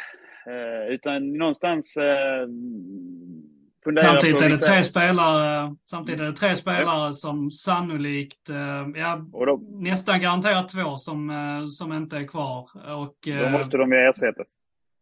Då måste de ersättas. Och det är ju Absolut. som vi redan diskuterat, två, Edvardsson tog ju sin lilla tid att komma igång, men har ju också varit kanske tillsammans med, med Kotto varit våra två bästa spelare nästan under den här perioden. Um, så det är ju såklart en, det är en utmaning att, att ersätta, mm. ersätta dem. Men vad... Ja, men, det, ja. ja. men om man kollar liksom på själva spelet och uh, på, på den boysupplagan som spelar här och nu. Om man, om man leker med tanken att uh, det liksom formeras ett ungefär lika slagkraftigt lag på, uh, på något vis. Du, ehm, du viftar med din magiska sportchefsstav och liksom hittar, hittar dina guldkorn. Um, på vilket sätt behöver boys på, um, på plan spela bättre eller spela annorlunda för att vi liksom ska bli ett, ett mera hållbart lag för att vi inte ska bli femma nästa år också. Vad behöver vi se för skillnader där? För att nu, detta har vi sett nu i några år, känns det lite grann. Oerhörda toppar, lite för tråkiga dalar och någonstans det femte, sjätte bästa laget i serien. Hur gör vi för att inte vara det?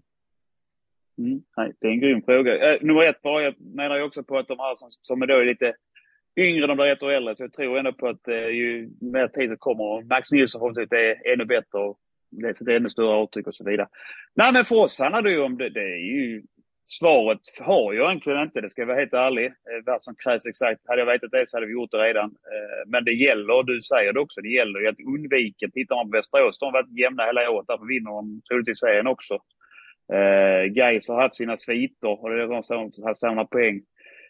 Någonstans så tror jag att kan vi få ett lugn i detta här, för vi har haft väldigt intensiva fönster framöver. Det kanske det blir tyvärr, men då gäller det att vi hittar spelare som inte behöver kanske ett halvår på att komma in, utan spelare som förhoppningsvis är redo när, match, när, när när superettan börjar. För, för att eh, det kanske är en dålig tränare som gjort men vi har haft två rätt taskiga starter liksom. Det, det, det, är ju inte det man önskar. Vi hade vi tre raka förluster 22 och sen hade vi, började vi med tre av fyra 23. Eh, så att, att, att va, va liksom, det är lite det jag är inne på från början också, att kanske det är så att vi inte bara ska titta på att okej, okay, vi tappar spelare, då ska vi bara rekrytera in unga, utan även titta på att vi har in spelare som de kanske är unga, de är som Samuel Kotto, men förhoppningsvis ska gå rakt in och konkurrera i alla fall. Eller sätta avtryck, eh, om inte i januari så i alla fall i april redan. Liksom. Eh, för vi måste bli jämna. Det, det, är helt rätt. Och sen har jag sån stor tilltro till att, eh, och det tycker jag vi har visat ändå, att vi utvecklar spelare så att de kommer att bli bättre i den här miljön med, med, med, med Max, Amir, Adrian och, och, och, och Thomas och så vidare. Så, så att, eh, tilltro till dem, men samtidigt måste jag ju också se till så att eh, inte bara prata om att hitta eh, balans i truppen, utan för, förhoppningsvis eh, göra det också. Finns det någon speciell fas ni, eh, ni, ni pratar om i, eh, men i, i ledargruppen där ni, där ni vet att ni behöver bli ett starkare lag?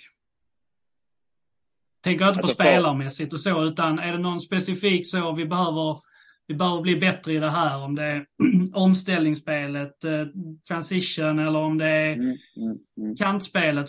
Vad det nu kan vara. Men finns det någonstans där ni, där ni liksom aktivt pratar med att ni, vi behöver utveckla den här fasen mer än att vi bara bör bli ett bättre fotbollslag? Nej, inte just nu än så länge. Det kan komma efter säsongen i sammanfattning. Jag tycker den här säsongen har sett så väldigt olika ut. Eh, jag tyckte vi hade ett ett väldigt, skapa väldigt mycket målchanser här i början på säsongen. Sen kanske vi inte lyckades omsätta dem. Eh, men vi hade stundtals ett försvarsspel som, eh, det var jag ansvarig för, som inte var sådär jättebra. Eh, nej, det är ansvar för anfallsspelet också. Men, men, men, men jag tycker vi har generellt haft ett bättre försvarsspel nu, men vi har haft lite svårare att skapa målchanser. Eh, andra delen känner jag ibland och så vidare. Så på något sätt måste vi sätta oss ner och gnugga. Ska vi ha en eh, bred ytterforward som Camille eller vi ska inte ha en bred? Ska vi ha en ytterback som bred och så vidare? Men de grejerna med jag känner för att komma fram till hur vi, och det till syvende och sist så, så får man nu sätta sig ner och analysera hela säsongen. Eh, eftersom det nästan har varit två, inte två olika lag nu, men det har varit det har förändrats ganska mycket både på första fönstret och andra fönstret. Liksom. Så att, eh, jag har inget, ingen tydlig skede där jag säger där, det där måste vi ändra på. Det har jag inte, utan det, det är nog eh, analysera det som varit och, och komma fram till förhoppningsvis en vinnarformel nästa år. Hur, eh, hur undviker man liksom att, eh, alltså det är inte så att vi drabbas liksom, men nu blir det som du säger två fönster som, som det händer mycket istället för bara ett liksom. Eh, hur, kan, eh, kan du liksom se till så att vi lite grann garderar oss eh, mot, mot liksom att tappa två nyckelspelare i, i sommarfönstret i, i framtiden? Eller eh, går om, det inte? Ja, går går det För till syvende sist så hade vi, kunde vi stoppat det. Sen ska man ta med sig vad det genererar på lång sikt och också vad det, vad det får för effekt på spelare och så. Det, det, det, det. så det, men jag tror allting handlar om vad hur, hur redo sportsligt är vi att, att hantera det har vi lösningen i, i, i, gruppen redan, ja men då ska det inte vara några problem. Annars så måste vi ha lösningen så vi kan rekrytera in den fort, helst ha gjort det innan man släpper spelaren liksom för att, för att undvika för långa inkörningsportar, eh, eller inkörningstid då va. Eh, det, det, är väl, det är väl det jag tänker på. Där är det också viktigt att vi tänker till också hur vi bygger. Jag sa det igen lite hur man bygger en trupp, för jag tror att då ta exempel, jag säger inte att jag var skitglad över att sätta Alexander Tikats på bänken, men det var ruskigt tryggt att veta att när Fille gick sönder, jag vet exakt vem som ska ta hans plats. Eh, det var Alexander Tikats. Jag tyckte han gjorde väldigt, väldigt bra under den perioden. Tyvärr så hände det andra saker sen, men, men där är ett exempel på förhoppningsvis man kan, man kan, eh, man kan ha eh, alltså ha lösningen färdig redan i, i huset. Och jag brukar tjata om Elfsborg. Jag tycker de visar det gång efter annan att Okej, okay, Ondrejka gick, ja men då fick eh, Ocke kliva fram, eller Bernhardsson eller, eller allt vad de heter, liksom kliva fram ännu mer. Så, så att, eh, det är väl det, att man inte bara ser på att man har även tvåan klar eh, i truppen. Men, men är, det, är det enbart en ekonomisk aspekt att Elfsborg är så otroligt duktiga på att ha de resurserna att man kan ha en, en, eh, vad ska man säga, en, en extra rock i garderoben och bara plocka fram när det blir kallt? Eller är det liksom har de en organisation som ni vill sikta på att, vad ska man säga, anamma lite deras, förstår du vad jag menar lite, vad är det som mm. Elfsborg mm. gör som vi inte kan göra eller kan vi göra det de gör med våra resurser? Man, man ska ju ha med sig här också, kan jag säga mot mig själv lite grann, att det är klart att det är ett, väldigt fint att bli när du kan ta en superettans bästa spelare och sen så spelar han typ 17 minuter eller vad Camille har gjort liksom. Och han är, står bara på tillväxt och det var ju, det är inte så de jobbar. Så att, så att jag tror att de var helt medvetna om att Camille tog dem för nästa säsong. Men de tog han redan nu för att ge en halv säsong och, och, och, och så vidare. Så, så att eh, det är klart att den möjligheten kanske inte har vi, men, men samtidigt så tycker jag ändå att vi ska någonstans försöka på vår nivå då kanske hitta spelare som, som står redo när eh, och behöver ibland kanske ha en, eh, på vissa positioner en, eh, en, en, eh, antingen får man hitta lösningar eller så får det vara att någon skaver lite grann i, och är lite sur att man inte spelar. Man tycker att det är så tuff konkurrens men jag tror ibland att det, det behövs också. Jag menar, vi kan backa bandet. Det, det var inte så att alla var jätteglada eh, när till exempel vi hade fyra mittbackar som hette, Pat, äh, heter det, Andreas Murbeck och, och, Johan Rapp och Filip Andersson och Viktor Wihlstrand. Det skulle ställa över i alla fall minst en och ibland två. Men det, vi blev också bra av det. Eh, så, så, att, det är väl lite det man får försöka eh, komma dit än. Men, men eh, det är väl klart att det har ju också med pengar att göra. Kan man ha så pass bra spelare som bara sitter och väntar på sitt och, och så, ja det kanske inte vi kan än, men då får vi försöka lösa det internt eh, tidigare. Liksom. Är Wendt och Burakovsky köpt i den eh, mallen då? Eh, alltså i mallen att de ska spela mer nästa år? Ja, att planen var inte att de skulle komma in och eh, nödvändigtvis eh, vara bidragande faktorer detta året. Eller var det tanken?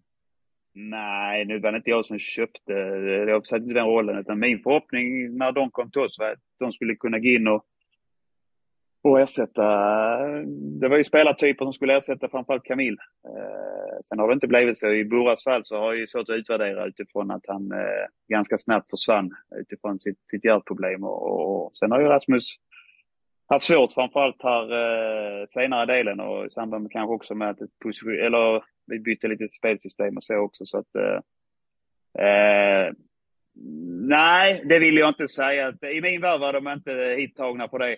Eh, utan eh, de, jag hoppades att eh, utifrån de spelarna jag fick till dem, hoppades att de skulle gå in och, och göra mitt lag bättre.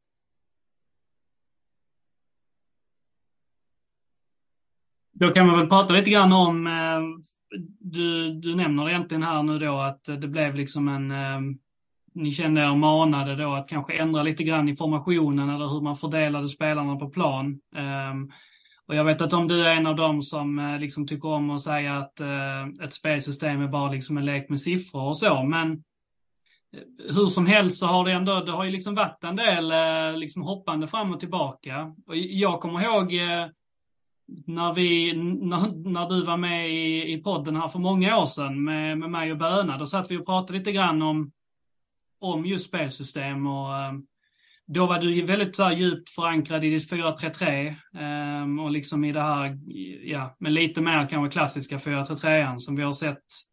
Vi har gått fram och tillbaka i det känns det lite grann som. Och det har ju varit 3-4-3 och det har varit 3-5-2 och det har varit 4-3-3 och det är en lek med siffror och så. Jag, jag är fin med det. Men hur, uh, tror du att det finns, det kommer till en punkt där det liksom blir lite för mycket eller är det alltid av godo att man bara liksom hittar den, den bästa lösningen? Var, var liksom drar man som tränare riktningen så att säga i det? När bestämmer man sig att enough is enough? Ja, nej, men alltså det är väl klart, som tränare har du ju ett grundtänk. Sen är det ju, vi pratar ju mycket om principer och så vidare. Eh, och dit behöver vi kanske inte gå än. Men det är det du utgår från, ett arbetssätt som dina lag ska kännetecknas av och, och sen vill du ha en trupp då som passar in utifrån det givetvis. Och, ja, jag är, eh, om vi går till mig själv och Max också, så är vi 4-3-3 i grunden. Sen ibland så kommer man i ett läge där eh, spelare inte utvecklas som man hoppas. Man rekryterar inte in spelare som, som kanske man trodde skulle kunna vara i den rollen och så vidare. Eh, det kan vara skador ibland är det också mentala aspekter, att ibland behöver det göra en förändring. Eh, tittar vi på oss själva, när vi kollar mentalt, så kanske när vi efter tre förluster mot eh, 2022 så kände vi att vi, det, måste, det var ju när vi lämnade 4-3 för första gången. Och då landade vi i ett 3-5-2 system och sen blev det 3-4-3 och så vidare. Det, jag, jag, så här, jag är 43 i grunden, och mina principer är kopplade utifrån det. Men, men samtidigt har jag en spelartrupp att ta hand om, eller få ut maximalt av. Och ibland är det också lite kopplat till var, hur ska jag kunna, vilka spelare kanske jag tror att jag kan sälja? Hur kan jag sätta dem i bästa i bästa situation och så vidare. Inte bara för att sälja, men för att maximera deras prestation liksom. Eh, och så vidare. Och så. För mig tror jag att, eh, jag, eller jag vet att jag fortfarande som tränare är en 4-3 grunden, men jag tror också att det handlar lite grann om att man måste vara flexibel idag. Eh, både för att lura motståndare, men också för att eh, ibland lura sina egna spelare, men också till att se till att sätta dem i positioner som är som får ut maximalt av dem, för då blir också laget bäst. Eh, och därför så tror jag, och därför vet jag i alla fall att vi landade in lite i att vi gick tillbaka till 4-3 igen och vi fick in fick in en Koffi som tia där ett tag och tyckte det var väldigt intressant. Och vi hade Camille som en bred eh, ytterforward som vi kanske inte hade haft så mycket tid utan i våra boxar mer med, med dem och så vidare. Så, så att, eh, ja, det är väl så. Jag tänker hela tiden att jag tycker att spelare ska vara så pass bra att de kan hantera mer än ett eller två spelsystem. Sen kan ett spelsystem se ut på olika sätt ändå. Men, men eh, jag, jag, jag, säger ändå inte att det ska vara något problem i dagens eh, fotboll, utan det ska man kunna hantera. Liksom. Det gäller att sätta spelarna i så bra situationer som möjligt så du får ut maximalt av dem. Det är väl det, är väl det som jag söker alltid. Och det känns lite grann som att vi blir, vi blir lite mer stationära och lite grann också kanske tråkiga att kolla på med den här 3-4-3an. Um, ehm, vi har, skulle jag gissa, kanske lite mer kontroll på matcherna och lite mer bollinnehav nästan. Eh, men också samtidigt att en känsla jag har i alla fall är att det ibland är lite, lite trögt, lite långsamt. Och det blir ju liksom ja, det är kanske en faktor av att det blir många spelare involverade i själva uppspelsfaserna eller så, eller hur man ska uttrycka det. Det är liksom, vi överbefolkar ju generellt, eh, eller överbemannar eh, motståndarna där. Ska de, liksom, ska de matcha oss och våra fem, eller hur många vi, vi mm. lägger in i den fasen, så måste de ju trycka upp väldigt mycket. Vissa gör ju det och gör det ganska bra, men många, många klarar inte av det och liksom sjunker ner. Då blir det ju ofta bara en matchbild med mycket bolltrillande och så. Vissa matcher gör vi det bra, men vissa matcher blir det också ibland lite stiltje och lite, lite tråkigt att kolla på är väl också en liten ja, supporterfena som vi pratar om ibland. Känner du igen den bilden där? Är det någonting, är detta, säger jag någonting som verkar rimligt? Ja, det jag kan förstå hur du resonerar och det är ju upp till var och en och, och vissa vill ju aldrig att vi ska spela på egen planhalva utan ska ju vara framåt. Liksom. Jag tror inte du är en av dem dock. Eh, eh, men, men, men, men alltså, Sen känns det också som att det ska vara, om, om jag hörde rätt så menar du när vi gick tillbaka till 3-4-3 igen och då, då skulle egentligen du mer haft denna frågan till Max och då ska inte jag passa på det. Men det blir också konstigt att jag ska sitta och analysera en tränare som, som, som har sin stab här nu utifrån att jag kanske mer, som när jag var tränare i, i, i, i första delen, kanske spelade på ett lite annorlunda sätt denna säsongen. Eh, så det känns också, jag vill inte gå dit än egentligen och sitta och prata om vilket som är mest roligt eller vilket som är effektivt. Det, det vi kan säga, och det ska de ha all cred för, det är att vi har faktiskt haft fler poäng i det spelsystemet än vi gjorde eh, under den tiden när vi kanske då spelade med, med en tia och en bred ytterforward och så vidare. Så, så att, eh, det har ju varit effektivt ur den aspekten. Sen, sen, sen om det är eh, så de kommer jobba hela tiden framöver eller inte, det, det tror jag också kopplat till spelare och det har kanske varit att de Camille försvann ju, så då kanske inte man kände att man hade det hotet eh, på det sättet och valde kanske att plocka bort det och sätta mer, en stabil, eller mer wingbacks istället kanske då från bred ytterforward och så. så, så Eh, lite sådär fegt svar av en sportchef som inte vill eh, ställa till med bekymmer. Nej, eh, jag tycker då, någonstans måste man se på resultatet och det har, har staben fått så det ska de ha all cred för. Vi börjar närma oss något form av eh, slutfas här, Billy. Men jag tänkte, en sak som varit intressant att prata lite grann om eh, du, du har ju fått vara lite grann liksom ansiktet utåt för, för boys och det är liksom, det, det är mycket liksom din, din relation eh, till klubben går ju så himla långt bak och så, så att på något sätt har du liksom fått klä skott för klubben. Så att när det går bra så är, det, är, är, du liksom där, men när det går dåligt så är du också där. Vi minns liksom den här eh, vi minns väl matchen här i, i somras där du liksom eh, vänder dig om och firar mot eh, någon som, när, vi, när du hade fått kritik från, eh, från sittplats och sådär. Hur... Eh, det känns som att vi, vi Landskrona och man pratar alltid liksom om den här sittplatspubliken och liksom kravet från läktaren och så. Hur, eh, hur, upplever, hur upplever du den biten av, eh, av att vara tränare, att vara sportchef, att lite grann bära hela den här biten? För jag gissar att det inte bara är liksom till godo, utan att det finns en liten mörkare sida där också. Stämmer det? klart att den är kräsen. Sen är den på andra ställen också. Det är väl, eh, den är väl kanske just att man känner så många i staden.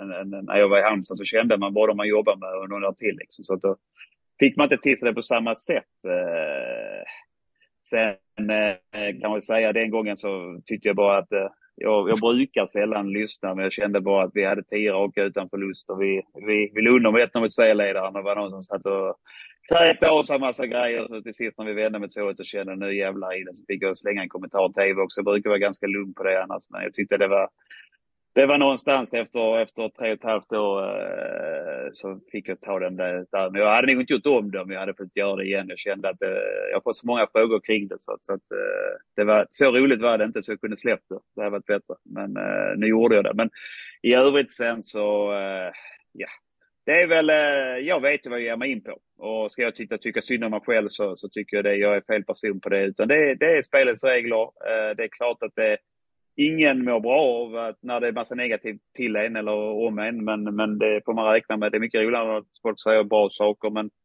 till syvende och sist så kan jag inte påverka vad, vad, folk tycker om mig. Utan jag kan bara påverka vad jag gör. Och jag kan bara påverka att jag försöker göra människor bättre. Liksom. Och det, det jag gör, det, det, så det, det jag har, det kanske är till att man eh, loss, lever i låtsasvärlden. Jag är ju extremt eh, oaktiv på sociala medier. Så att jag och alla forum. Så att eh, där kan stå vad fan som helst. Jag vet inte. Eh, förutom att ibland någon berättade för mig och skickade någon sån här printscreen. Och, ja, ibland läser jag det för att tycka, vad fan då, då får jag läsa. Har nu har, har, de nu, har de nu ansträngt för att skicka en bild till mig så får jag se vad det står i alla fall. Men, men, eh, men annars säger jag inte där. Så det, och jag tycker väl också att det får väl vara, det är väl lite, alltså, ja, det får väl också fans, det är lite, en fans är fans liksom och det får man, man behöver också skriva av sig någonstans i sin frustration och då får väl, eh, om det är Billy som ska skjuta skott så får han väl göra det, men Billy behöver inte läsa det, för då vet han inte det. Så, så att, eh, det är väl så jag hanterar det. Sen, sen har vi väl haft turen ändå, jag vill återkomma till det, att eh, vi eh, haft ganska mycket framgång och, och, och så, så att det, det hade kunnat vara värre. Jag har varit i Boys där jag var glad att jag inte suttit i den rollen kan jag säga. När jag har varit, kanske varit assisterande ungdomstränare. Så, så att, eh, om det är tur eller skicklighet så har jag lyckats eh, undvika de värsta krascherna. Under den här tiden, än så länge. Hoppas det bibehåller sig så. Det känns nästan, eh, nä, nästan som att du egentligen inte har, eh, du borde ha väldigt mycket cred på banken så att säga. Liksom är väl egentligen bara den nyktra analysen. Om man kollar till var vi var när, du, när, du, när ni kom in och eh, trots allt var vi befinner oss nu. Men på gott och ont så är det väl lite grann ett litet guldfiskminne i boys, eller ja, både och. Men det finns kanske en att man, man glömmer lätt liksom några månader bak, men man tänker gärna många år bak också. Så att eh, det finns väl en känsla av att gemene man känner att vi är inte egentligen där vi ska vara. Ehm, det vill säga att vi, vi, vi kanske har en känsla av eh, att vi, vi förtjänar att vara i en annan ställning i fotbolls-Sverige. Men också att vi ibland då glömmer bort vilken ställning vi har varit i ganska nyligen och var vi befinner oss nu. Så att det är väl, ehm, det är väl någon liten passning till kanske alla. Ibland bör man väl kanske kolla upp och liksom det var kul för, det var kul för 20 år sedan men det var också, ehm, det var också väldigt tråkigt för sju år sedan. Yeah. Så kan man väl uttrycka det. Så är det. Så är det. Det är också lite den här eh, känslan som vi, jag tror Michel har tagit upp någon gång. Ja men kolla så bra det har gått nu. Kolla var vi är idag. Jag gillar ju sig det konceptet var vi är idag. Men vi kan heller inte leva på hur det var för tre år sedan så att säga. Utan vi måste ju. Jag vet inte om du förstår vad jag menar Bill. Det var ingenting mot dig överhuvudtaget. Jag bara menar att vi, vi boys kan ju inte liksom sitta och jubla över att vi har tagit oss från ettan nu till superettan och att vi är femma. Vi vill inte vara femma, vi ska ju vara bättre än så. Men mm. man får inte slå sig till ro heller. Landskrona-publiken är ju som du säger lite guldfisk i sittplats i alla fall. Det kan gå... Nej, det var Jens, det var Jens, det var inte jag som kom hem hela sittplats på mig nästa gång. Det var Jens som sa det. Nej, men jag bara menar att, nej inte, men jag bara menar reaktionerna snabbt. En match vinner vi och sen nästa match är det liksom för helvete spelar du tillbaka nu igen så går jag liksom. Eh, ja, det, då får du göra det. Men det, det är ju det som Landskronapubliken har lite på gott och ont. Att det är mycket känslor. Det ska vara så kanske. Men vi får inte slå oss till ro med att vi har kommit hit. Alltså, där är vi helt överens. Där är vi, ja, men jag är helt med Anders. Så vi är, det är lite därför också jag känner ändå att vi, vi vill. Vi ska ju, när vi pratar vision så, så är det, vi är inte nöjda. Vi vill ju upp till allsvenskan. Vi ska upp till allsvenskan. Men, men, men eh, jag tror, och jag tror det, det vet jag att Michel menar också, att på något sätt så antingen så går vi upp, sätter vi allt på ett kort och försöker gå till allsvenskan och lyckas vi så kanske det blir bra. Men också att vi lyckas och så åker vi ut år senare och sen så har vi noll saker att stå på. Eller så får vi någonstans acceptera att det, det kanske, kanske får ta lite längre tid, bara att vi gör det på rätt sätt. Liksom. Så, så att eh, vi är, inte, vi, är, vi, är, vi är nöjda med mycket som är gjort, men vi är inte, vi är inte färdiga och vi är, ska inte bli bekväma. För det, det har jag svårt att säga Max Möller och gänget ska bli och jag ska lova att jag inte ska bli det heller. Det, det, det, det, enda, det kan jag lova.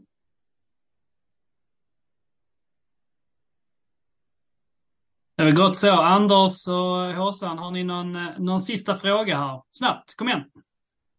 Nej, en sista fråga. Nu kom Surprise-katten in här och uh, vill ha mat. Så att yes. jag får väl... Uh... Vad är det med korsbandet på Surprise där? Han är... Ja, men han, hans korsband är dåligt. Han har lite mer, han är lite mer, han är väldigt vig. Det var Surprise så han kan uh, ja. slika sig lite överallt. Uh, men uh, det vet jag inte om Surprise kunde. Vi, vi kanske ska stryka den i kommentaren. Men uh, Super kommer i alla fall in här och uh, jag får väl också avrunda snart. Men det var jäkligt kul att du kunde ta dig tid Bill i alla fall. Det är min spontana känsla här från källaren i mörka Malmö liksom. Kul, eh, ett litet inspel om surprise. Så, um, när jag var i, i 20-årsåldern så bodde jag på en lägenhet i Drottninggatan tillsammans med mina två uh, med, med Fille och Böna här i podden också. Och uh, vi har faktiskt haft en Champions League-kväll med, med Surprise uh, i, uh, uppe i den lägenheten. Mycket trevligt. Shit alltså. Nej, mäktigt. Ja, men eh, då eh, kan vi inte göra mycket mer än att eh, önska dig lycka till här i, i fortsättningen Billy och med avslutningen av säsongen och uppstarten av nästa, kanske framför allt. Och ja. Stort tack för att du ställde upp. Det var en trevlig stund. Anders och Håsan, ni var lite bättre än vanligt faktiskt. Tack. Ja, vi var mest tysta. Det liksom ryddigare idag. ja, vad trevligt. Skärper oss där Billy är med. det är så. Ja, lite. Det är varje gång nu kanske. Ja, precis. Ja. Hålla, ett, hålla ett öga på oss. Ja, ja, det är grymt. Bra grabbar. Vi, vi säger så. Tack för att ni har ja. lyssnat och heja boys! Heja boys! Heja boys! Heja boys.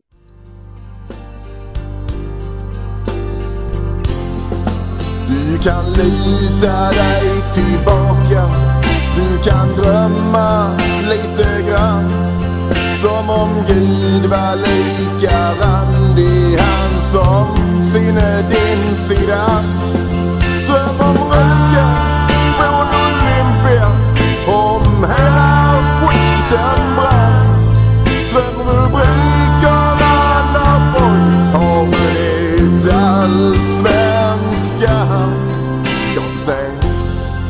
Sambalek Varm och het Jag ser grym överlägsenhet Ja, du ser väl det själv Vilket underbart lag.